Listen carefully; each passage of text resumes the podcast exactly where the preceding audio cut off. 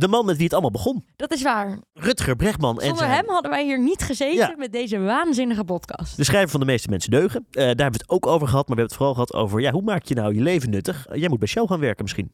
Ja, eh, Rutger dacht misschien van wel. Ik ben van mening dat dat niet gaat werken om het van binnenuit te veranderen. En ik sta bovenaan de piramide. Maar dat is niet per se een goed teken. Dat is eigenlijk onderaan. Dat is eigenlijk onderaan. Kortom, we gaan het hebben over de morele ambitie. Hoe kan je nou het beste halen uit je, wat is het, 80.000-urige Ja, carrière? Afschuwelijk veel. En eh, een beetje ook over hoe Rutger Bregman in studententijd eh, in een Bier en bijbels. bier bij ons Ja, deze aflevering. Hey Hanna, Hey, jij komt net van je tentamen, hè? en hoe? Ik kom er echt vandaan gereisd. Zat je in zo'n zaal? Nee, ik zat in een tent. Oh, dat is de nieuwe tentamenlocatie. Met zeg maar 800 zwetende 19-jarigen die een of ander computer tentamen hadden. Maar het ging goed, denk ik. En van die mensen die er zo langslopen en dan surveilleren en je collegekaart Ja, bestuderen? ja, ja, ja. Kijken of je wel echt bent wie je bent. Anyway, het ging goed. Het was strafrecht, dus het ging over mensen die niet deugen. Ja. Maar wij gaan het hebben over mensen die wel deugen. Ja, zeker. Met Rutger Bregman. Rutger Bregman. Ja, eigenlijk komt het hele thema, Rutger, welkom, van deze podcast bij eh, jou vandaan. Eh, auteur van het boek De meeste mensen deugen. Nou ja, in mijn omgeving, ik denk het boek dat het meeste is gelezen. In Ja, elk we maakten het, zeiden net voor de grap dat bij in studentenhuizen er staan een paar almanakken en er staat jouw boek De meeste mensen deugen. En dat is echt zo. Ja. Eh, wereldwijd meer dan een miljoen keer verkocht. Een van de vaste schrijvers van de correspondent. Podcastmaker ook. En iemand die zegt, en daar gaat het in deze podcast natuurlijk over. Doe nou wat met je leven. Maak gebruik van je talenten. Ehm, nou, fijn dat je er bent. En eerst even naar die studententijd. Was je toen ook al zo van, ik moet mezelf nuttig maken? Of zat er ook nog wel iets van, ik zie het allemaal wel in? Nou, ik zat een tijdje geleden een praatje te geven in Utrecht over morele ambitie. En toen realiseerde ik me ineens wat voor hypocriet figuur ik ben. Want ik zat allemaal dingen te roepen over wat studenten dan nu allemaal wel niet zouden moeten doen. Weet je wel, denk goed na over wat je gaat doen met de rest van je leven. Een carrière is 80.000 uur, 10.000 werkdagen, 2000 werkweken. Carrière is de belangrijkste morele beslissing van je leven. Weet je D- Ja, maak denk er Ja. na. en Maar maak een zelf? plan. En toen dacht ik, heb ik dat zelf eigenlijk gedaan? Nee, Eh, ben een beetje erin gerold. Want je hebt geschiedenis gestudeerd in Utrecht. Klopt, ja. Hoe Dat lang, was... hoe lang heb je erover gedaan? Oh, niet zo heel lang hoor. Op zich was ik wel. eh, ik, was, ik Een was brave wel, student. Nou, het, het begon eigenlijk dat ik ehm, in Leiden ging studeren, een jaartje.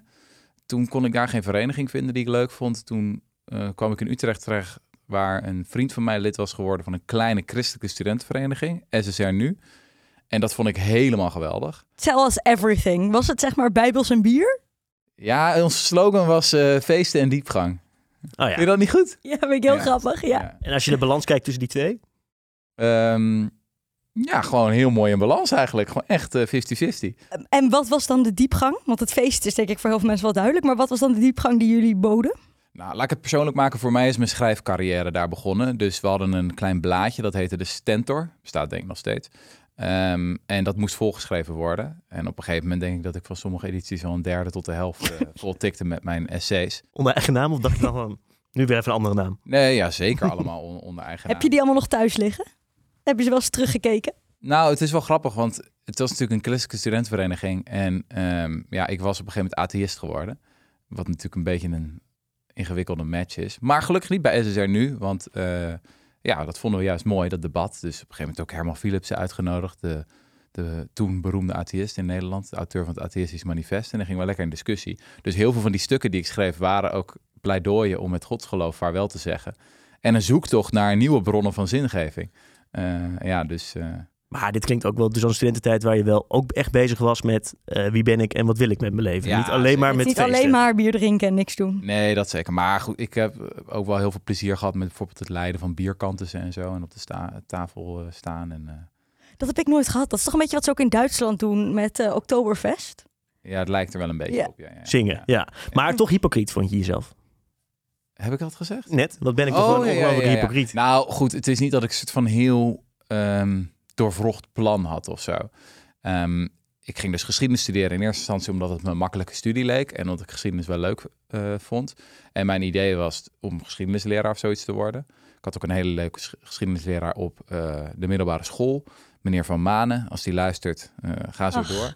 Ehm, en toen in het tweede jaar, toen ging een goede vriendin van mij ging een dubbele studie doen. Geschiedenis en rechten. En ja, dat zat mij niet lekker. Want toen dacht ik, ja, het is niet dat zij slimmer is dan ik ben of zo. Dus dat moet ik dan ook kunnen. Dus toen dacht ik, nou, dan ga ik eh, ook eh, twee studies doen. Maar ik vond eigenlijk geen andere studie leuk. Dus toen heb ik maar dubbel geschiedenis. eh, ben ik dubbel geschiedenis gaan studeren. Dus twee keer zoveel vakken gaan doen. Ehm, Goede motivatie. Alleen maar om te bewijzen aan die vriendin dat jij ook slim Ja. was. Nou ja, goed. Ik zou niet zeggen dat het alleen maar was, maar het heeft zeker een rol gespeeld. Ehm, en toen vond ik dat eigenlijk wel heel leuk. Het was ook wel dat ik lid was geworden van een klein herendispuut bij SSR. Waar allemaal gasten rondliepen die veel ouder waren dan ik. Dus ik was eh, 18, 19 natuurlijk. En zij waren 24, 25, waren echt te lang blijven hangen. Ja, en die liepen dan rond in een rockkostuum of jacket te oreren over Ludwig Wittgenstein. En ik vond het allemaal machtig mooi. Ik dacht, wie was die Ludwig? Wat, wat betekent dat? Waarover man niet spreken kan, moest man zwijgen. Weet je wel? En pas veel later besefte ik dat zij dat ook niet echt wisten. Maar die pretentie, die, die sprak me wel enorm aan. Toen dacht ik, ik, ik wil dat ook kunnen. En was het dan het spreken of gewoon de, de, soort de intellectuele of bijna ook wel een beetje voor de, voor de, voor de grap of nam, nam je het echt heel serieus? Nou, ook wel echt, echt serieus, denk ik. Dus het motto van dat dispuut was verwondering. Ehm, je studententijd is natuurlijk de uitgelezen tijd om je te verwonderen. Om ook heel interdisciplinair bezig te zijn. Om, ja, je kan voor een prikkie naar het beste concerthal ter wereld in Amsterdam. Wat kostte dat toen? Een tientje of zo? Dat is wat inmiddels... Kan dat nog steeds? Ja, wat absurd Je was. krijgt, wel heel veel, je krijgt heel veel korting, ja. Nee, je kan Maar echt voor drie via euro? die vereniging Entree kan je echt super, voor Klopt, super ja. weinig geld kan je daar zitten. Wat absurd was, ik heb ooit eens een keer naast een hele rijke Amerikaanse dame daar gezeten. Die had honderden dollars uitgegeven om speciaal voor dat concert vanuit de VS naar Amsterdam te vliegen. En zij vroeg aan mij, eh, wat doe jij hier Jij eigenlijk? zat daar brak. Ja, ik zat daar gewoon brak met mijn bevlekte overhemd. En ik je- zeg, nou, ik zit hier voor een tientje. En zij, zij, zij, ja, zij vond het echt een godspe dat ik daar, dat ik daar mocht zijn. Eh, maar was wel mooi, Rahmani nog of zo. Ehm we hebben in de tijd ook Maarten van Rossum een brief gestuurd en gezegd... kom ouwe hoeren bij ons op de studentenkamer. En kwam ie? Zeker weten, die kwam hoor. Eh, we hadden gezegd, we willen sigaren met u roken en bier drinken. Nou, dat wilde hij niet. Dat tikte hij ook met hoofdletters in zijn e- e-mail. Dat doe ik zeker niet. maar eh, hij zei, ik kom en ik ben om 11 uur weg. Eh, en, eh, maar goed, om 12 uur belde zijn vrouw waar hij bleef. Eh, en hij heeft, we hebben hem één vraag gesteld aan het begin. Waar bent u zo al mee bezig nu? En toen heeft hij gewoon urenlang georeerd. Maar dat zijn allemaal dingen die je kan in je studententijd. Kijk, als je nu een of andere consultant bent bij, bij Deloitte... en je mailt Maarten van Rossum... Ja, dan- Op langs? Nee. ja, goed, hij komt trouwens. Hij komt waarschijnlijk ook wel. Voor Maar- veel geld komt hij Ja, misschien ja, nog wel opdagen. Maar voor niks hè, deed hij dat. Eh kwam gewoon langs om voor tien, tien gasten te ouwehoeren. Eh er kan veel meer dan je denkt. We hebben de bijaardier van de Dom toen gevraagd van... nou, we willen wel zien hoe dat ding werkt. En toen zijn we in het midden van de nacht zijn we daar naartoe gegaan. Vond hij mooi. Dus dat, dat probeer ik altijd wel studenten op de hart te drukken. Van, je hebt gewoon een beetje een troefkaart. Dat heb ik nog steeds ook als, als studenten me vragen... Ja, het leven is druk, maar de kans dat ik het doe is wel honderd keer groter dan als iemand van Deloitte het vraagt. Laat ik het Ja. En de- want nu heb je studenten die gaan gebukt onder prestatiedruk. Eh Dijkgraaf zei laatst. Je klaag ook niet te veel, want je hebt zoveel kansen. De minister van Onderwijs die zei: jullie zijn, noem jezelf geen pechgeneratie, want jullie zijn eigenlijk de meest geprivilegeerde generatie studenten ter wereld. Nog steeds zo, hè, praktisch in, eh, wat je allemaal kan doen. Vind jij dat ook? Vind jij dat studenten dat te weinig nu zien? Nou, dat geldt in het algemeen voor hoger opgeleiden in Nederland natuurlijk. Dus als je een modaal inkomen hebt in Nederland, behoor je tot de rijkste 3,5% ter wereld. Ja. Ehm, en veel van die hoogopgeleiden die nu heel erg klagen over van, van die studenten. Oh, het is, ik ben eh, de kansloze generatie, het gaat allemaal mis. eh, Dus mislopen de term met mij. pechgeneratie komt er bij jou niet in.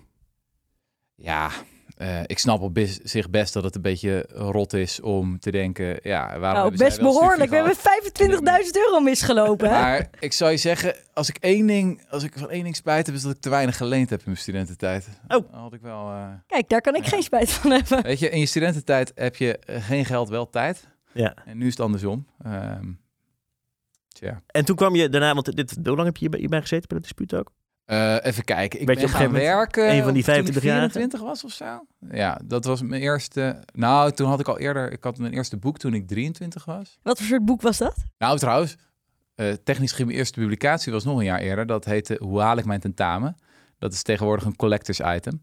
En dat heb ik toen in één weekendje geschreven. Eh 30 tips over hoe je het tentamen kan halen. Wat voor soort tips stonden erin? Heb er Tell me, week, ik heb ja. nog tentamens te maken deze week. Ja, het, het idee van het boek was eh, dat je zo'n laag mogelijk cijfer wil halen dat nog net een voldoende is.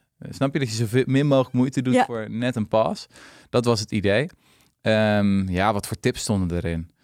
Ja, het belangrijkste denk ik, docenten zijn narcisten. Dus heel belangrijk om naar eh, de colleges te gaan om gewoon te horen wat hun stokpaardjes er zijn. En dan gewoon die stokpaardjes, dat is dan het essay tentamens, moet je gewoon de hele tijd hun ego strelen. Dat werkt supergoed. Ehm Goeie tips. ja. Ik heb ooit in een tentamen letterlijk de vraag gehad wat de professor daarvan zou vinden. Dus ne- was het van Oh, dit en ja, dit ja, essay ja, en ja. wat moet Mr. punt, punt, punt zeggen Terwijl de man nee. zelf aan het surveilleren was. Dat ik ook zo ja, Maar You sowieso- tell me. Ja. Nee, onderschat nooit het narcisme van, van professors. Dat is echt eh, een heel belangrijke les. Goed, dus dat was het eerste boek. En toen naar de Volkskrant. Ja. Eh, even kijken, ja, toen had ik daarna mijn eerste eh, geschiedenisboek. In de tijd was ehm, Rob Wijnberg was helemaal hip in happening. Hè? Dus eh, de oprichter van de correspondent. Die had een aantal boeken geschreven. Eén daarvan heette Nietzsche en Kant lezen de krant. En het idee van dat boek was dat hij de filosofie gebruikte om de actualiteit uit te leggen. En ik vond dat een geweldig boek. En ik dacht, dat kan ik ook. Alleen dan geschiedenis gebruiken. Dus ik dacht, nou, ik schrijf gewoon 40 hoofdstukken of zo. Ehm, waarin, ik dat, eh, waarin ik dat doe. Eh, en toen had ik de bezige bijgemaild en gezegd: eh, Dit moet de redacteur van Rob Wijnberg lezen. Het probleem was alleen dat op de website van de bezige bij stond dat ze geen manuscripten accepteerden per e-mail. Want ze kregen er iets, later hoorde ik dat ze er iets van duizend per jaar kregen. Ehm, en ze worden een beetje gek van al die documenten. Dus je moest het uitprinten. Maar ja, we weten allemaal, uitprinten, dat is duur. Eh, dat kost eh, zo... En eh, je had niet genoeg geleend, ja, dus je had nee, ook geen dus geld. ik was een beetje zuinig. Ja, ik ben nog steeds wel een beetje zuinig. Maar toen was ik heel zuinig. Dus toen dacht ik, nou, ik ga toch wel mailen. En toen had ik er gewoon een, in grote letters bij gezet van... dit moet de redacteur van Rob Wijnberg lezen. Nou ja, en zo waar. Een paar maanden later kreeg ik een mailtje van de man in kwestie... van zullen we eens koffie drinken? Dus dat was een beetje het begin van mijn schrijverscarrière. Je klinkt, dat je in een interview zei, ik ben heel productief. Maar dit klinkt ook wel heel proactief. Van, ik, ik mail wat, ik schrijf wat, Ja. ik benader wat mensen. Ben je dat altijd ook geweest? Nou, een goede vriend van me die zei een keer van... dat ik wel goed tegen afwijzing kan. En eh, dat heeft zeker in het begin van mijn carrière wel geholpen. Het Ik zeg je ook niet. altijd tegen beginnende journalisten van eh, spammen is, is heel belangrijk. Dus als je bijvoorbeeld een stuk hebt geschreven en ja, het wordt afgewezen, nou, dat is niet zo heel erg. Want je kan, er zijn, nog, er zijn zoveel, andere kranten. Ja, er zijn zoveel e-mailadressen in de wereld die, Ja. waar je naar kan sturen. Ik heb op een gegeven moment parool gehad, dat was wel het mooiste. Dat, eh, ik had een stuk, ik denk dat ik het aan iets van... eh, Ik had aan één iemand gestuurd, een parool, en eh, ja, toen was het afgewezen. En toen dacht ik, nou, maar er werken veel meer mensen bij parool. Eh, en de vierde, die vond het wel mooi, dat was de wetenschapschef en die, die plaatste het. En toen dacht ik, oh, dus het maakt eigenlijk helemaal niet uit als je wordt afgewezen. Dat is helemaal niet erg. Het gaat gewoon om die Maar-. Denk je niet bij zo'n afwijzing soms van... ben ik wel de juiste persoon om hierover te schrijven of om dit te vertellen? Als zevenvinker. Want ik denk zelf ook, weet je wel, van... oh, kom ik weer met het klimaatverhaal? Want naar, weet je wel, naar mij luisteren mensen wel. Terwijl eigenlijk wat ik deed het wel is van... nee, maar er zijn zoveel andere geluiden die juist gehoord moeten worden. Maar hoe krijg je die dan op zo'n plek dat ze gehoord worden? Ja. ja, dat was toen nog niet echt een Nee. discussie. eh. Nee. Joost Luijendijk had zijn boekje nog niet Nee, toen geschreven. was dat eh, allemaal, allemaal nog niet zo. Nee, maar tuurlijk. eh, Maar dit is de arrogantie waarmee je even zo'n medialandschap binnenstormt. Dat was natuurlijk... Ja, ik snap wel dat veel mensen een beetje hun bedenkingen hadden. Maar weet je wat het ook is? In dit vak word je beter door heel veel meters te maken. En ehm, ja, als ik mijn eerste boeken lees... Nou, ik vind het niet allemaal slecht. Maar ik vind, Maar ik vind het ook niet allemaal goed. het is ook niet heel goed, laat ik het zo zeggen. Twee, misschien drie sterren of zo. Eh, maar ja, je leert wel eh, schrijven. Daar ben ik wel echt van overtuigd dat schrijven niet een soort van aangeboren talent is, maar dat je gewoon heel, heel, heel veel moet doen en je gestaag beter kan worden op die manier. Maar je bent begonnen gewoon met nieuws, toch? Gewoon met, met op een redactie, zoals ik nu ook op een redactie zit en je pitcht iets en een chef zegt, nou, dat is geen Ja. Laat maar Ja, gaan. ik heb dus een jaartje inderdaad bij de Volkskrant Een gewerkt. jaartje maar, oh joh. En toen eh, zat ik op de redactie Binnenland. En daar heb ik wel heel veel geleerd. Dus, Dus, dus eh, heel veel stukjes tikken. Ja, zeker. Ja, ja, ja, Er ja. is weer Nou, een ik ook bever wel- gespot hier en hier. Er is weer een ja. das down. Ook. Ja, dat, dat, er zat echt dat soort werk bij, in, eh, zeker in de weekenddiensten. Eh, maar ik had ook wel de vrijheid om langere essays te tikken hoor. Je had in de tijd een zaterdagkatern, Vonk heette dat. Weet je, om de zoveel tijd heeft de Volkskrant weer een nieuw zaterdagkatern en dan cancelen ze weer wat. Ehm, maar toen heette dat Vonk en eh, dat was hartstikke leuk, de, onder leiding van Gustav Bessems toen. Eh, en die gaf mij wel veel vrijheid om ja, allerlei dingen te proberen, ook over grotere thema's. Dat was denk ik ook een van de redenen waarom ik later door Rob Wijnberg werd gevraagd van... hey, eh, we zijn iets nieuws begonnen, de correspondent, doe je mee? En wist je dan ook die thema's al meteen dat je daarover wilde schrijven? Of kwam die ook op je pad? Mm, basisinkomen, een van je thema's waar je veel over hebt geschreven, Ja. nog steeds. Dat was al vroeger. Dat vond je iets waarvan je dacht, daar, wil ik, daar, daar moeten we wat mee, toch? Ja, dat klopt. Ja. Ja, ik zat wel in een soort van blogo-sfeer dat ik allemaal Engelstalige schrijvers las die bezig waren met thema's waarvan ik dacht, waarom, waarom hebben we het daar hier niet over in Nederland? Dus basisinkomen was al een van die dingen dat in de krochten van het internet hevig werd bediscussieerd. En ik vond dat een goed idee. En ik kan me ook herinneren dat ik dat een keer gepitcht heb bij de Volkskrant, dat ik daarover wilde schrijven. En toen was de reactie van, ja, maar eh, dat is niet actueel. Wat is het haakje? Er is geen haakje. ja, wie, wie is daarvoor? En toen zei ik, ja, ik ben daarvoor. Ja, dat is geen haakje. Ik zeg, hoezo niet? Eh, en dat was wel echt een bevrijding bij de correspondent. Ja, die eerste maanden was ik echt wel een beetje dronken van geluk. Dat ik gewoon kon doen wat ik, wat ik wilde. En toen heb ik ook eh, in korte tijd achter elkaar dat basisinkomen-stuk eruit geramd. Over een radicaal kortere werkweek. Over waarom we grenzen moeten afschaffen. Gewoon allemaal stukken die je in reguliere media niet echt kwijt kon. Omdat er geen haakje is. Nee. Voorbij de waan van de dag, toen ook al. Vanaf het begin. Ja, dat was het slogan van het begin af aan. Ja, of Ja. dat altijd lukt, dat is natuurlijk eh, de vraag. We hebben een keertje ge- gecheckt van over welke politicus nou, we nou het meest schreven. En dat bleek toch gewoon Cherry te zijn. Dus, eh, Iedereen maar het maakt zijn ideaal is mooi, hè? hè? Het ideaal. Ja, Ja. precies. Want denk je dan ook over pushmeldingen? Van daar moeten we vanaf. We moeten af van alsmaar die NOS-app openen 100 keer per dag. Freek die wordt de hele dag door gestoord door eh, Bliepjes. persalarmen. Zzz, als er weer iets gebeurt. Nou, ik, ik ga geen lullige dingen zeggen over mijn tijd bij de Volkskrant. Want het was, ik heb ook heel veel geleerd. Ik heb bijvoorbeeld echt beter leren schrijven. Eh, iemand als Alex Burghoorn, die was toen de chef op Binnenland. Ja, daar heb ik echt cruciale stilistische tips van gekregen. Waar ik nu nog steeds... Als ik, als ik nu bijvoorbeeld een citaat van iemand gebruik... en dan gebruik... Veel mensen zeggen van Piet zegt en dan komt het citaat. Heel vaak is het veel mooier om het citaat te beginnen... en dan halverwege zegt Piet en dan de rest van het citaat. Zijn maar die simpele dingen. En ik moet altijd aan Alex denken. Want die, die leerde mij dat. Want het ziet er gewoon veel... Ja, Het leest veel lekkerder. ingreepjes die Ja, doet. precies. Ehm, dus ik heb heel veel geleerd daar. Maar intellectueel gezien was het denk ik wel mijn minst productieve jaar. Gewoon van wat, wat leer je nou voor nieuws? Als je de hele tijd in het nieuws zit. En het was ook iets... Hoe zeg ik dat nou? Het was iets...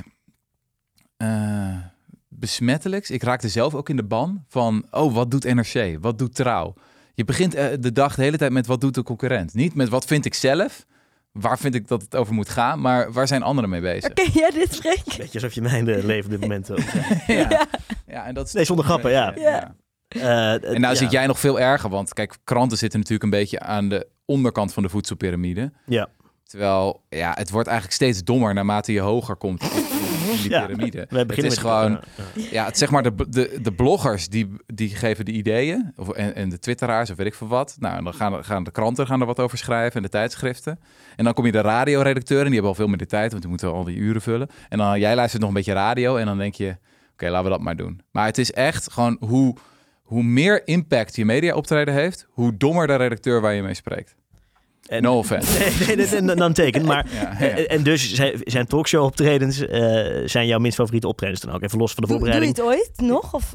Ja, nou, Ja, in nog- Amerika. Jawel, jawel, En bij ons onlangs nog over, over varkens, tegenover die varkensmevrouw. Ja, zeker, zeker, ja. ja. Maar dan doe je het omdat Ja. je het heel belangrijk vindt. Ja, ja nou, ik, ik weet niet of, of het gelukt is om me er altijd aan te houden, maar ik probeer gewoon als vaste regel te hebben dat ik alleen spreek over dingen waar ik iets over heb geschreven. Dus waar ik verstand over meen te hebben. Eh, of in het geval inderdaad van de bio-industrie, waar ik trouwens ook over heb geschreven, dat het gewoon naar mijn idee een zwaar onderbelicht onderwerp is. En het ook echt lastig is om, om mensen aan tafel ervoor te krijgen. Want wij hadden toen een petitie van de Stichting Dier en Recht, ondertekend door 80 plus BN'ers. Maar niemand wilde aanschuiven. Want ja, niemand heeft zin om een trekker in zijn tuin eh, te krijgen. Ja. Dus het- ik heb ook een beetje zoiets nu met het. Maar en heb jij dan, eh, accepteer jij wel die trekker in je tuin? Of wat een soort van, waarom, omdat jij het dan zo belangrijk vindt, ga je er toch zitten? Nou, ik bedoel, ik ben niet de een of andere held of zo. Het valt, valt ook wel mee. Maar dit is wel een oncomfortabel onderwerp om het over te hebben. Het is niet super leuk of zo. Het is leuker om het te zeggen. De meeste mensen deugen. Ja, Ja. Heel vet, ja. Dat zijn de makkelijkere optredens. Ik ben nog even die piramide aan het eh, verwerken. Ja. Dacht je dan toen je zelf dus in de, aan de onderkant de kranten zat, hoe snel kwam je erachter dat je dacht, ja, die, mm, dit is net niet. Want, en hoe handelde je daar dan op vervolgens? Nou, ik zal je Asking ask for friend? ik, ik zal je een voorbeeld geven van wat wel een epiphany was voor mij. Ik dacht, ik moet een expertise hebben toen ik bij de Volkskrant zat. Eh, want ja, dat is handig. Ik moet een redacteur van iets worden. Nou, wat is belangrijk in Nederland? Ik downloadde gewoon even de begroting en ik zag van, wow, wat geven wij veel geld uit aan de zorg. Nou, gaan we dat gewoon eh, doen. Dat wordt mijn expertise. Ik word redacteur zorg, had ik zelf bedacht. Dus toen heb ik heel veel eh, rapporten uitgeprint van het SCP en het Centraal Planbureau en zo. Nou, ben ik allemaal gaan lezen. En ja, al heel snel ben je dan een soort van expert zorg. Dus mocht ik stukken gaan schrijven over de zorg.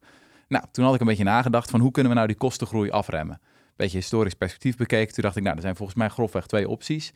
Eén is, je hebt marktwerking en hele hoge prijzen. En dan wordt het duurder, duurder, duurder. Of twee, je hebt een beetje een socialistische, planmatige aanpa- aanpak. En dan krijg je wachtlijsten. Nou, dat hadden we in de jaren negentig bijvoorbeeld. Gewoon huppa, de rem erop. Dus ik dacht, volgens mij moeten we gewoon weer terug naar die wachtlijsten. Dat, dat, het is, dit zijn de twee smaken die we hebben. Wachtlijsten is volgens mij een prima idee. Dus ik had daar een essay over geschreven. En ik had ook een Centraal Planbureau onderzoekertje eh, daarvoor gesproken. En nog wat hoogleraren. En ehm, toen kwam ik dus bij eh, mijn chef. eh, en ik zeg, nou, kunnen we dit plaatsen? Hij zegt, ja, wat is dit? Wat is dit voor stuk? Ik zeg, nou, dat is mijn mening. Ja, dat is, daar kunnen wij niks mee. En eh, toen las hij het. En zei van, ik vind het wel interessant. Bijvoorbeeld wat die Centraal Planbureau onderzoeker tegen jou zegt. Ja, ik vind, het, ik vind het eigenlijk wel nieuws. CPB, dubbele punt. Wachtlijsten terug in de zorg. Zo gek idee nog niet. Nou, daar heb ik dus de voorpagina mee gehaald. Je kan het opzoeken nog eh, op, op. Dat is de, keer dat ik met nieuws de voor, voorpagina haalde. Maar goed, dat begon dus met mijn eigen idee dat ik in de mond had gelegd van een of andere CPB-onderzoeker. CPB was vet pist daarna. Ik mocht, eh, ik mocht niet meer rechtstreeks met onderzoekers bellen daarna. Ik mocht alleen nog langs de afdeling PR. eh, want die dachten ook van wat is hier gebeurd. Ehm, maar zo wordt, zo wordt de worst dus gemaakt. Eh, heel vaak. En dat heb ik wel regelmatig gezien. Dat wat wij nieuws noemen is zo'n arbitrair product. Dat, dat slaat in heel veel gevallen echt volstrekt nergens op. Incidenten. Of gewoon een opblazen van één. Ja, maar zelfs incident, er is niet een soort van duidelijke regel van waarom het een dan wel een incident is en dan niet. Dit was gewoon een of andere gesjeeste geschiedenisstudent die zelf iets had bedacht. En, ja, en dat was minister Schippers toen, die moest nog dezelfde dag reageren. Nee, we willen geen wachtlijsten, we willen geen wachtlijsten. Maar, maar oké, maar ehm, ik werkte gisteren en dan ging het over dat eh, crisisberaad. En iedereen stond dus ook meteen in een crisismodus, want het was ook het kabinet komt bij elkaar om te overleggen over de nieuwe koers. Ja. Toen zaten we allemaal een beetje van, nou jongens, wat, wat gaan ze eigenlijk helemaal doen? Want er komt waarschijnlijk niks uit. Ja. Ehm, dat zijn wel gebeurtenissen. Dat is nog anders dan een mening of een, of een idee, Ja. toch? Nou, het is bijvoorbeeld al bizar hoeveel aandacht jullie besteden aan Nederlandse politiek. Relatief gezien wordt er nu veel meer invloed uitgeoefend, vaak door politici in Brussel. Ja. Terwijl iemand als Bas Eickhout of zo, die schuift nooit aan bij op één. Terwijl die is veel invloedrijker dan een gemiddeld Tweede Kamerlid. Krijgt veel meer voor elkaar ook. Als je nu kijkt naar de grote thema's van deze tijd. Ik bedoel, we hebben het allemaal over artificiële intelligentie, GPT-4, eh, waar we allemaal van onder de indruk zijn. Nou ja, in de EU wordt nu gewerkt aan regulering van artificiële intelligentie. Dat is misschien wel het allergrootste thema van deze tijd, weet je wel? Maar ja, jullie gaan nooit een of andere EU-bureaucraat aan tafel. En Eh, wel, klimaat, en wel klimaat, Alexander hè? donderdag. Maar goed, ik ga niet Ja. op één verdedigen. Eh over ChatGPT bij. Maar goed, dat is weer te zijde. Ehm, Ja, klimaat is ook ja. wel een dingetje. Ja. Dat is- is dat- scherp gezien. vergeten we ook nog vaak. Oké, eh, terug naar die keuzes. Want jij dacht, oké, ik zit hier verkeerd. Ik maak nieuws, maar ik, moet dus, ik mag naar Rob Bijmerg. Kwam het op je pad? Of heb je op jezelf daarnaar gehandeld van eh, weer een belletje, een eh, koffietje? Eh, belletje koffietje was dit wel, ja, ja, ja. Dat is wel echt de key om binnen te komen. Hè? Belletje, koffietje, mailen. Ja. Ja, ja, ja nu. Ja, als, met, als je, als je zeven Ja, vinker goed, het toen, had ik bent. al, toen had ik al wat stukken geschreven voor de Volkskrant, die gewoon heel erg goed pasten, denk ik, binnen zijn. Ja. En was dat echt het begin van de correspondent? Of was het toen al een tijdje bezig? Zaten toen, ik zie bijna helemaal nog zo, bijna een soort van studentenkamer voor, Ja, maar een paar ja, ja, mensen ja, zitten te ja. tikken. Of was het Ja, echt al het dat was grote het bedrijf In- wat het nu is? Nou, in eerste instantie was het echt de huiskamer van Maurits Martijn, eh, waar we zaten. Ehm, en ehm, pas in september 2013 kregen we een beetje kantoor en zo. Ehm, dus dat klopt. Het, is echt wel, het was echt een hele leuke start-up vibes en zo. Echt een van de leukste dingen die ik heb meegemaakt in mijn carrière. Gewoon het gevoel van, oké, met een klein clubje zijn we iets nieuws aan het bouwen. Dat is wel echt geweldig. Nu zijn we alweer gewoon een Ja, en dat het lukte. en zo en al dat soort Ja. dingen. En een, en een medezeggenschap en la la la la la. Weet je wel, het is allemaal heel belangrijk, maar ja, het was wel heel bijzonder om mee te maken. Ben je blij dat je eh Rutger Bregman bent geworden? Zeg maar de, de Davos, de, de, de, de, de beroemde Rutger Bregman. Of had het ook wel zonder gemogen wat jou betreft? Hanna vindt dit de stomste vraag die je, kan, Ja. Die je kan krijgen. die je kan krijgen, maar ik stel Ja. hem toch. Nou, ik ben geen ongelukkig man, laat ik het zo zeggen. Maar ik had een keer een podcast met eh, Alexander Klupping en Ert-Jan Fout. En toen ontglipte mij een uitspraak van... eh, ja, als ik, als ik Rutger Bregman niet zou zijn... dan zou ik ook een hekel aan hem hebben. Laat ik het zo zeggen. Ik, heb, ik vind het nooit zo heel erg als mensen, me, als mensen het heel irritant vinden. Want het is natuurlijk ook heel irritant. Sowieso, het is, bijvoorbeeld de boekenwereld is heel oneerlijk. Eh, het is echt een ontzettende winner-takes-all markt. Het zijn een paar boeken die ehm, ja, de wind in de zeilen krijgen en die dan iedereen gaat lezen. Is dat omdat dat echt de beste boeken zijn? Nou ja, ik geloof niet dat je totale drollen kan verkopen. Ik geloof niet dat een totale drol ook blijft verkopen eh, en via mond-op-mond reclame blijft gaan. Maar het is natuurlijk ook een beetje arbitrair. Je moet ook een beetje geluk hebben dat de timing eh, goed uitkomt. Ja, dus eh, ik heb best wel veel geluk gehad in mijn carrière. Is dit ook hoe je dan het succes van de meeste mensen deugen verklaart? Of ben je er ook gewoon, zit er ook nog iets anders achter? Want ik hoor dit vaker ook van, Mhm. van mensen die zoiets hebben van ja, het overkomt me ergens ook een beetje, dit succes. Ik had, zag het ook niet helemaal aankomen. Maar da- daar zit ook een, dat is ook snel een humble brag.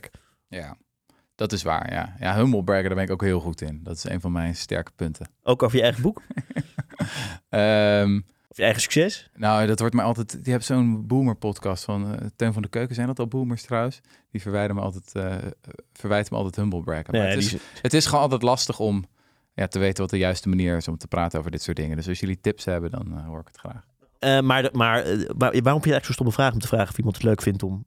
Als nu is Maar dat is ook niet helemaal een keuze. Zeg maar, het is, ik hoor wel soms een beetje slimme marketing dingen die je hebt gedaan. Mhm. En dan bedoel ik marketing op de positieve manier. Weet je wel, slimme keuzes die je hebt gemaakt. Dus om specialist te worden op een bepaald onderwerp. Omdat je dan weet dat dat gaat werken. En dat je daar dan helemaal in kan duiken. Maar je hebt ook weer niet helemaal de keuze. Weet je wel, soms wordt de aandacht gewoon op jou of op wat jij schrijft gewoon gevestigd. En is het soort van ook een perfect storm, weet je wel? Dat er net iets Mhm. gebeurt dat er heel veel aandacht komt voor het basisinkomen. Of voor, weet je wel? Nou, en vooral, maar jouw boek heeft meer dan een half miljoen exemplaren in Nederland. Dat is... Maar de basis is wel echt nieuwsgierigheid. Dus het is wel zo. En ik denk ook dat mensen die dicht bij me staan dat kunnen bevestigen.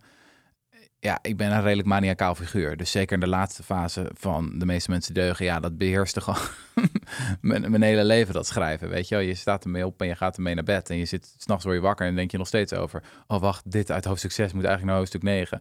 Dus ja, dat is wel ten diepste wat me drijft. Die nieuwsgierigheid en eh, de wens om bepaalde dingen uit te zoeken en op papier te zetten. En ook de wens om het zeg maar daarna te blijven agenderen. Wat je dus bijvoorbeeld in Davos hebt gedaan. Heb je het gevoel alsof Ja. dat ook heel belangrijk is. Dus los, zeg maar, ja, het schrijven is belangrijk. Maar daarna ook nog get the message out. Want in Davos zat je op het podium met eh, de elite, noem ik het maar even. Mhm. En je sprak ze aan op het gaat maar om één ding, eh, belastingen. Ja, ja. Die niet betaald worden. Ehm, even denken, wat is nou de vraag? Nou, de vraag is of het dus... Ja, je schrijft het, maar vind je het ook belangrijk om daarnaast het nog soort van groter te maken of te blijven Mhm. agenderen of om mensen aan te zetten om Mhm. ga dit doen of kom mee of kom naar een demonstratie of om Mhm. zoiets te doen. Of denk jij van nee, Ja. wat ik doe is een boek schrijven en daarna zoeken mensen het maar zelf uit, even tussen haakjes. Ik denk dat ik er in het verleden meer zo over dacht. Ik was zo iemand die dan riep van ja, bewustzijn, weet je wel. En je weet nooit wat het allemaal in gang zet. En in de afgelopen tijd ben ik me daar eigenlijk een beetje aan gaan ergeren. En nu voor een volgend boek wil ik eigenlijk veel concretere resultaten. Ehm, wil ik eh, ja, clubjes op gaan richten. Eh, Iets activistischer, wat ja, leuk. Ja, gewoon wat... eh, ja, dus voor mijn volgende boek wordt de En waar gaat het volgende boek over? Morele ambitie, dus, Ja. dus waar jullie ook eh, in geïnteresseerd zijn. Van hoe kan je nou eh, zo groot mogelijk impact in goede zin maken op deze wereld? Ehm, en ja, dus de belangrijkste KPI van dat boek wordt hoeveel mensen hun baan opzeggen en Ja. iets nuttigs gaan doen. Want je schreef een stuk, nee, je bent niet goed zoals je bent. Ja. Ehm, en, daar, en daarin zei je eigenlijk, te veel mensen doen werk waar, wat dan wel niks positiefs bijdraagt, wel de wereld minder mooi maakt. En dat is zonde, want die mensen zouden veel beter kunnen. Ja. Vat ik het zo eh, goed samen? Ja, ja, zeker ja. En dan kwam je met een kwadrant. Ja, dat kwadrant, daar zijn we echt door gefascineerd al vanaf het begin. Het stuk Hmm. werd trouwens ook veel rondgestuurd, wel binnen dan weer, ja, dan moet ik even mijn bubbel. Dus De consultants en de bankiers. en de bankiers. Ja. Dus het, het sorteert effect. En die, dus eigenlijk heb je vier categorieën. Je hebt niet zo ambitieuze mensen en ambitieuze mensen. Ja, En die zijn dan of niet zo idealistisch, of ze zijn heel idealistisch. ja, ja, dus je hebt meteen vier opties. Ja, Dus je kan één van de vier ben je en je kan ook wel een beetje ertussen Ja. zitten, denk ik zo. ja, ja, ja. ja. Ehm, Wat ben jij, Freek? Ja. Ja, dat is een goede vraag. Hè?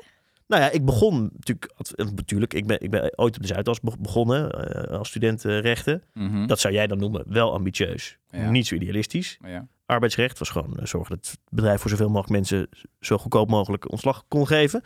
Of eh, ja, dat was eigenlijk vooral wat ik toen deed. Ehm, Nou en ja, ik ben, en vooral veel praten over eh, voetbal en eh, huwelijken en eh, dat en reality tv-shows, ja, tijdens Ja. de lunch. Dat was het vooral inderdaad. Ehm, en ik ben toen wel de journalistiek ingegaan, maar dat was niet per se vanuit een idealistische. Hm.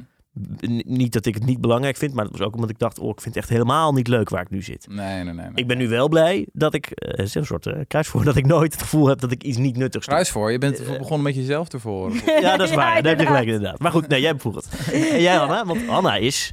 Ik ben wel, kan je ze nog even opnoemen? Ik ben, Ambi- niet zo ambitieus, ambitieus, niet ik ben wel ambitieus en wel idealistisch.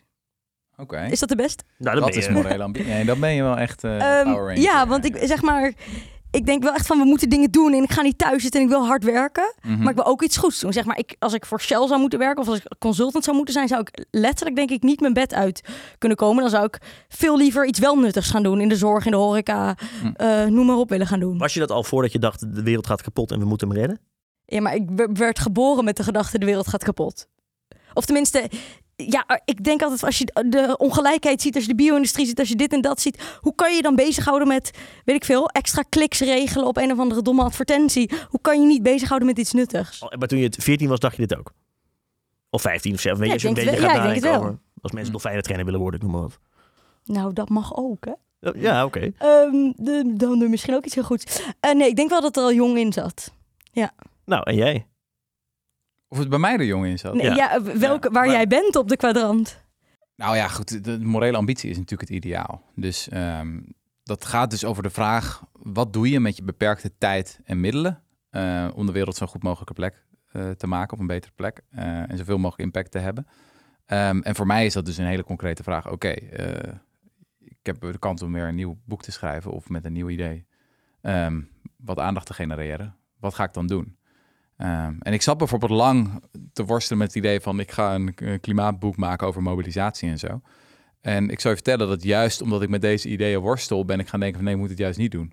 Want het, het domein klimaat wordt overspoeld momenteel. Dus de kans dat ik nog iets toevoeg met ja, daar, daar extra- gebeurt al genoeg. Ja, terwijl Ja. er zijn een aantal andere dingen waar heel weinig aandacht voor is. Ik heb afgelopen week ben ik bezig geweest met malaria. Eh, ja, ik hoor eigenlijk nooit mijn linkse vrienden over malaria. Terwijl vorig jaar zijn er weer 600.000 mensen aan dood gegaan. Ehm, dat is best een ding. Ehm, dus dat is een voorbeeld van hoe juist een, die am- moreel ambitieuze mindset eh, je ook kan brengen bij onderwerpen die misschien niet zo voor de hand liggen. En je doel is dus dat mensen hun baan gaan opzeggen. Mhm. Die dus wel ambitieus zijn, maar geen morele dingen toevoegen. Ja, dus de, ik, ik ben inderdaad eigenlijk geïnteresseerd in twee categorieën. Misschien is het leuk om eerst te hebben over een beetje de links-progressieve slash, ja, woke categorie. De wokies, noem ik ze altijd. Ja, ehm, wat mij daar opvalt is dat heel vaak de nadruk ligt op wat niet meer mag. Dus niet meer vliegen, niet meer vlees eten, geen goedkope kleding meer kopen. Ik bedoel, Arjen Lubach heeft nu een hele categorie met... en nou is het afgelopen met.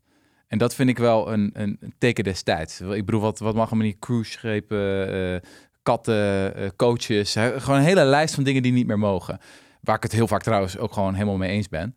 Maar het is ook wel aardig om te weten waar je nou eigenlijk voor bent. Je mag ook niks meer zeggen, ja. ja, want ik denk dat eh, het hoogste ideaal, of het, het ho- hoogste wat je kan bereiken als je alleen maar bezig bent met wat je niet mag, is dat je net zo goed niet geboren had kunnen zijn. En dat zelfs het, wat sommige mensen nu zeggen, van je mag geen kinderen meer krijgen voor klimaatverandering. En toen dacht ik van, oké, maar dit is wel echt een heel dode beweging geworden. Als zelfs het krijgen van kinderen, wat ja, toch wel een van de ja, mooie dingen in het leven is, lijkt me. Een belofte van nieuw leven.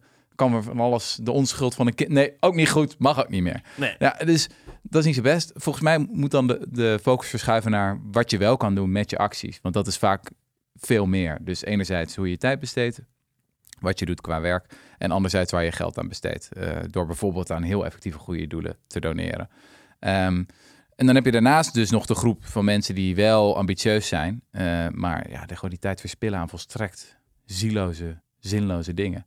En tegen die noem groep wil een ik paar, eigenlijk noem eens een zeggen... paar banen. Die luisteren Ehm, sowieso ook. Consultants, vind je Ja, het nou, het is wel een beetje wie de schoen past, trekken hem aan. Hè? Dus ik zeg niet dat alle consultants, advocaten, bankiers allemaal nutteloos werk doen. Ehm, maar ik ben ook eh, eh, overspoeld door mails na aanleiding van dat stuk. Eh, van mensen die zeggen van ja, guilty as charged, weet je wel. Ja. Het is helemaal geen geheim vaak, ook op de Zuidas. Er lopen daar heel veel mensen rond met een gat in hun ziel... die heus wel nadenken van kut, is dit nou wat ik wil doen met mijn ene leven op deze planeet? Dat is helemaal niet iets En controversieels of zo. waardevermeerdering is toch meestal. Dus meestal is het gewoon van geld meer geld maken. En Heel dat- vaak wel, ja, ja, ja, ja. En als je dan zegt van luister, ik zie hier een heel getalenteerd iemand, maar je doet niks. Is dat niet een beetje zonde? Ja, dat werkt heel goed, is mijn indruk. Kijk, de linkse benadering is heel vaak van, laten we zeggen, de Zuiders van jullie zijn slecht, jullie zijn immoreel, jullie zijn egoïstisch. En dan denken die topvogels, die denken, ach, je kon niet meekomen, weet je wel? Je had niet zulke goede cijfers als wij op de universiteit. Terwijl je zegt, luister, ik zie ook wel dat jullie tot de meest getalenteerden behoren. eh, maar vervolgens doe je dit ermee. Ja, ik, heb, ik ben niet jaloers, ik heb medelijden. En dat doet pijn, weet je. Dat doet echt pijn. Is veel effectiever. En die groep die eigenlijk het allebei niet is. Dus en niet zo ambitieus is, maar ook niet zo idealistisch is. Ja, dan heb je bijvoorbeeld de FIRE-beweging. Weet je, dat zijn mensen die bezig zijn met passief inkomen. Zo min mogelijk werken, zo vroeg mogelijk met pensioen. Ja, ja, ja. Ja, dat is een Maar goed, die doen, dat, dat is hoe ze met hun geld omgaan. Maar je hebt ook nog heel veel banen. Dat noem je dan natuurlijk de bullshit jobs.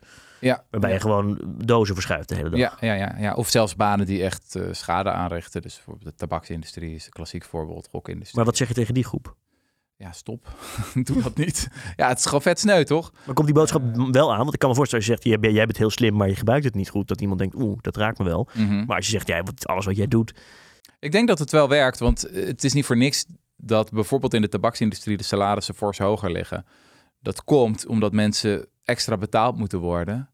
Want ze vinden het zelf ook vervelend. Ja. Om iets immoreels te doen. Niemand vindt Ja. dat leuk. Maar goed, als het salaris dan ver genoeg omhoog gaat.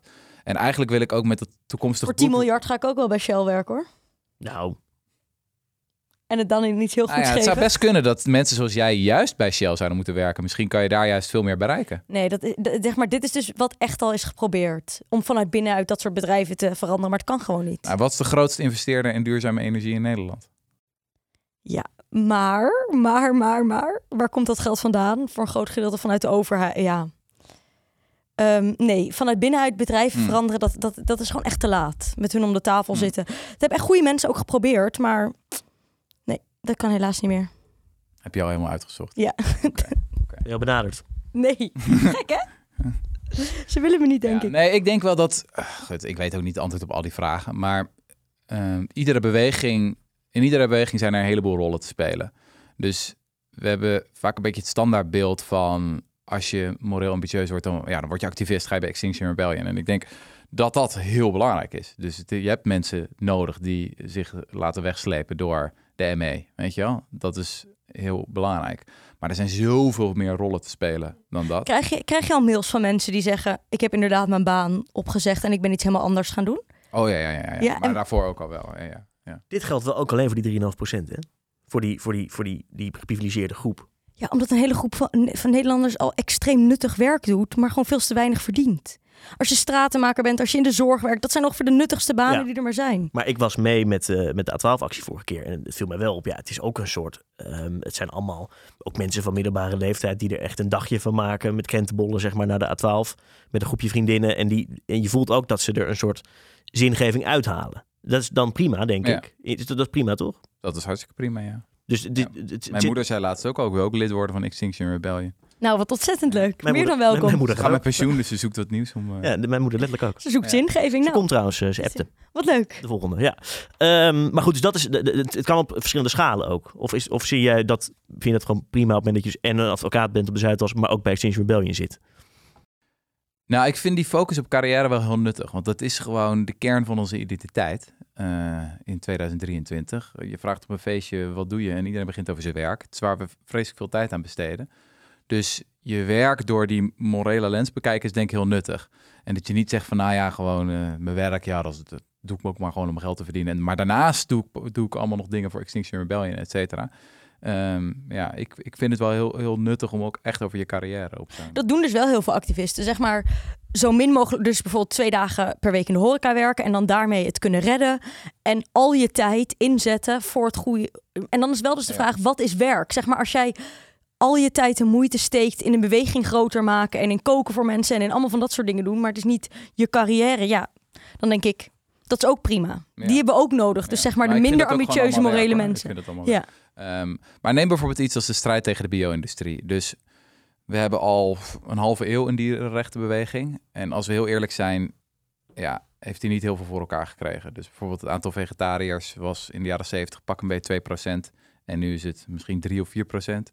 Maar dat schiet niet heel erg op.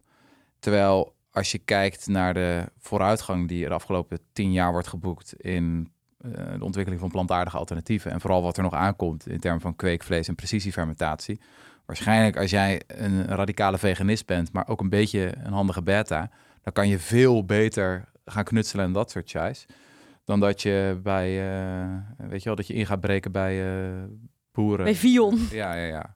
Wat ook nog mag in de vrije tijd. Maar snap je, dat is Ja, een beetje dat perspectief van morele ambitie. Van wat is nou echt eh, de effectiefste besteding van je tijd? Als dit echt het probleem is wat je wil oplossen. Nou, goed advies. Ik denk wel echt dat dit mensen gaat inspireren. Ja, en wat moeten mensen dan doen die nu luisteren en denken... ja, ik ben eigenlijk zo'n het mag niet zeggen. Ik, ik ben wel woke en ik vind van alles van de wereld, maar ik Ja. doe eigenlijk niks. Ja. Nou, ik vind dat dat ook waarde heeft hoor. Dus ik moet eerlijk zeggen dat bijvoorbeeld stoppen met vlees vind ik wel echt een beetje een moreel minimum eh, in deze tijd. Maar ehm, Want daar zit ik een beetje met het bewustwordingsdeel. Jij zegt zelf, dat lang is dat van jou ook je hoofddoel geweest. mhm. Daar stap je nu een beetje vanaf. Maar als je continu benoemt dat iets verkeerd is... ja, dan kan je ook vanuit gaan dat mensen op een gegeven moment denk- dan denken... oh ja, misschien is het ook echt eigenlijk wel verkeerd. Als je de boodschap maar herhaalt. Ja. Maar er is vaak een enorme kloof tussen bewustzijn en actie. Eh, dat is ook verder helemaal geen geheim. Daar hebben psychologen boeken over volgeschreven. Er is een tijdje geleden een peiling geweest onder 200 moraalfilosofen, professoren in de ethiek, eh, die hun hele leven besteden aan nadenken over de vraag wat is het goede. En er was gewoon een peiling met wat simpele vragen van, nou, wat geef je aan het goede doel? Eh, eet je vlees? Hoe vaak bel je je moeder? Gewoon een beetje een indicatie van, zijn dit nou een beetje, ja, hoe zeg je dat, moreel ambitieuzere mensen dan gemiddeld? Bleek gewoon niet te onderscheiden van de gemiddelde loodgieter. Gewoon eh, precies hetzelfde als de, als de dwarsdoorsnede van de bevolking. En dat laat wel zien van, ja, je kan van alles nadenken, maar dat doet niks. En dat is vaak ook mijn frustratie trouwens met, laat ik eens even zeggen, links. Is door het enorm veel geanalyseerd, heel veel systeemkritiek en zo. Maar wat wordt er gedaan? Weet je wel? Wat is het ondernemerschap? Wat is, de concrete, wat is het concrete plan om deze wereld zo snel mogelijk te verbeteren? En dat zit ook in morele ambitie. Ja, absoluut. Ja. En daar zijn ook genoeg voorbeelden van. hoor. Ik heb net een stuk geschreven over eh, Ralph Nader. Dat was de grote activist van de jaren 60, 70, advocaat ook. Ja, die had op een gegeven moment een heel team van studenten onder hem. Dat waren Naders Raiders.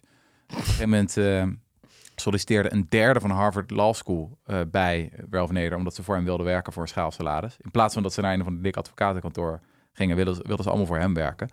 Eh, want ja, daar konden ze op heel hoog niveau gewoon gaan lobbyen om allerlei, bijvoorbeeld heel veel milieuwetgeving, de Clean Air Act, de Clean Water Act, tot de dag van vandaag van kracht, is in die tijd onder invloed van dit soort super moreel ambitieuze mensen tot stand gekomen. Ehm, dus dat is ook een beetje een voorbeeld van er zijn veel meer rollen te spelen in iedere beweging. Als je eh, juridische skills hebt, kan je echt zoveel nuttig werk doen. Eh, maar ja, je moet het wel even gaan doen. Eh, dus dat is ook voor heel veel ambitieuze rechtsstudenten. Tuurlijk, ga ook zeker op die A12 liggen. Maar ik heb nog wel wat ideeën over wat je kan doen. Ik ook. Nou, Zijn ze ook gelukkiger, moreel ambitieuze mensen? Nee, dat denk ik niet. Maar dat is ook helemaal geen levensdoel. Ehm, nou, het is wel fijn om een beetje gelukkig te zijn. ja, een beetje, ja. Maar laten we wel zijn. Als je mensen gaat bestuderen die je echt bewondert. De, de biografieën van de grote abolitionisten, de grote suffragettes, de grote eh, strijders in de burgerrechtenbeweging van de jaren 60. Waren die gelukkig? Ja, tuurlijk waren die af en toe gelukkig. Maar was dat hun levensdoel? Nee, natuurlijk niet. Weet je wel? En betaalden ze een hoge prijs voor hun idealen? Heel vaak, wel degelijk. Hele hoog ook zelfs. En dat is denk ja. ik ook een beetje de vraag die je jezelf moet stellen. Is van als je niet bereid bent om offers te brengen voor wat je gelooft, hoe erg geloof je het dan eigenlijk? Of is het een soort van mening? Ja. Maar ik bedoel, natuurlijk, het hoeft niet een soort van ongelukkig worden, hoeft niet een doel op zich te zijn. La- maar laat ik het zo zeggen, mijn, een van mijn grote historische helden is een man genaamd Thomas Clarkson. Dat is een abolitionist eh, die ehm, toen die 25 was en student aan de Universiteit van Cambridge meedeed aan een essay-wedstrijd. Hij wilde die essay-wedstrijd graag winnen, want hij was gewoon heel erg, ja, was gewoon super ambitieus en eh, was gewoon een strebertje. Eh, en toevallig was de vraag dat jaar, eh, is het moreel, is het geoorloofd om slaafgemaakte te bezitten? Of ik denk trouwens niet dat ze slaafgemaakte zijn, maar slaven te bezitten. Ehm, en hij vond het een fascinerende vraag. Hij is zich daarin gaan verdiepen, schreef dat stuk, won de eerste prijs, ging terug van Cambridge naar Londen, zat op zijn paard, zat hij na te denken over zijn essay en dacht, maar wacht even, als dat waar is, wat ik heb opgeschreven, Waarom doe ik er dan niks doe ik er dan niks aan? Ja, ja. En dan is er een beroemd moment in zijn memoires dat hij eh, aan de kant van de weg gaat zitten en dat hij zegt van oké, maar ik ga mijn leven omgooien. En dat heeft hij gedaan. Dus hij heeft de, de volgende 60 jaar van zijn leven besteed aan strijden tegen de sla eh, slavernij. En de eerste slavenhandel, daarna de slavernij. En ehm, de eerste zeven jaar heeft hij 35.000 mijl afgelegd in Groot-Brittannië te paard, dag en nacht. En daarna was hij helemaal kapot. Dus is ook weer een mooi moment, of indrukwekkend moment in zijn memoires dat hij beschrijft dat hij gewoon wat wij nu een burn-out zouden noemen. En een hele, hele zware burn-out. Hij kon nauwelijks meer de trap oplopen. Ja, en dan denk ik, ja, Thomas, je had beter misschien 20 minuten per dag kunnen mediteren met een of andere Headspace-app. Dat was misschien beter gewe- geweest. Maar respect, weet je wel. dus uh, ja. Begint je nieuwe boek met deze, met deze man? Ja, misschien wel, ja. Het is wel een goed verhaal, toch? Niet? Zeker. Ja. En dan gaan mensen het lezen. En dan hoop je dat ze hun baan veranderen of hun leven een beetje anders inrichten als ze mhm. zich aangesproken voelen. Jij gaat zelf ook nog meer je best doen om die mensen om te draaien. Ja, dus we zijn in Nederland ook uh, met een clubje begonnen. Dat is... Klinkt echt als van die EE-meetings, weet je wel, waar oud-alcoholisten zitten. Dat is zo'n groepje mensen. Ik werkte vroeger op de Zuidas. Ja, ja, nou, maar dat zou toch geweldig zijn? Ja, dat, zo zie ik het eigenlijk wel een beetje voor me, ja. ja. Dus uh, ik weet niet of je dat kunnen herinneren. Dat boek van Sheryl Sandberg, die bij Facebook werkte, geloof ik. Dat boek heette Lean In. En een beetje een neoliberaal boek gingen dan allemaal vrouwen die uh, carrière wilden maken, uh, gingen dan samen praten over van hoe kunnen we het glazen plafond doorbreken. allemaal van die leesgroepen waren er in, in de VS. En dat lijkt me eigenlijk wel vet om iets vergelijkbaars te hebben over morele ambitie. Dat gewoon allemaal mensen die nu bij McKinsey werken of bij Goldman Sachs, weet ik wat allemaal, allemaal samen gaan nadenken van oké, hoe komen we hier uit? Wat gaan we doen? Want ja, het is gewoon zoveel makkelijker als je beseft, ik ben niet alleen, andere mensen zijn hier ook mee bezig dat je tips uitwisselt en dat het een beetje een beweging wordt. De Bullshit Jobs Anonymous. Ik heb nu al zin in deze revolutie. nou, dat klinkt helemaal goed. Ja. Dankjewel dat je er was. Ja, dankjewel. Graag gedaan. Leuk om hier te zijn.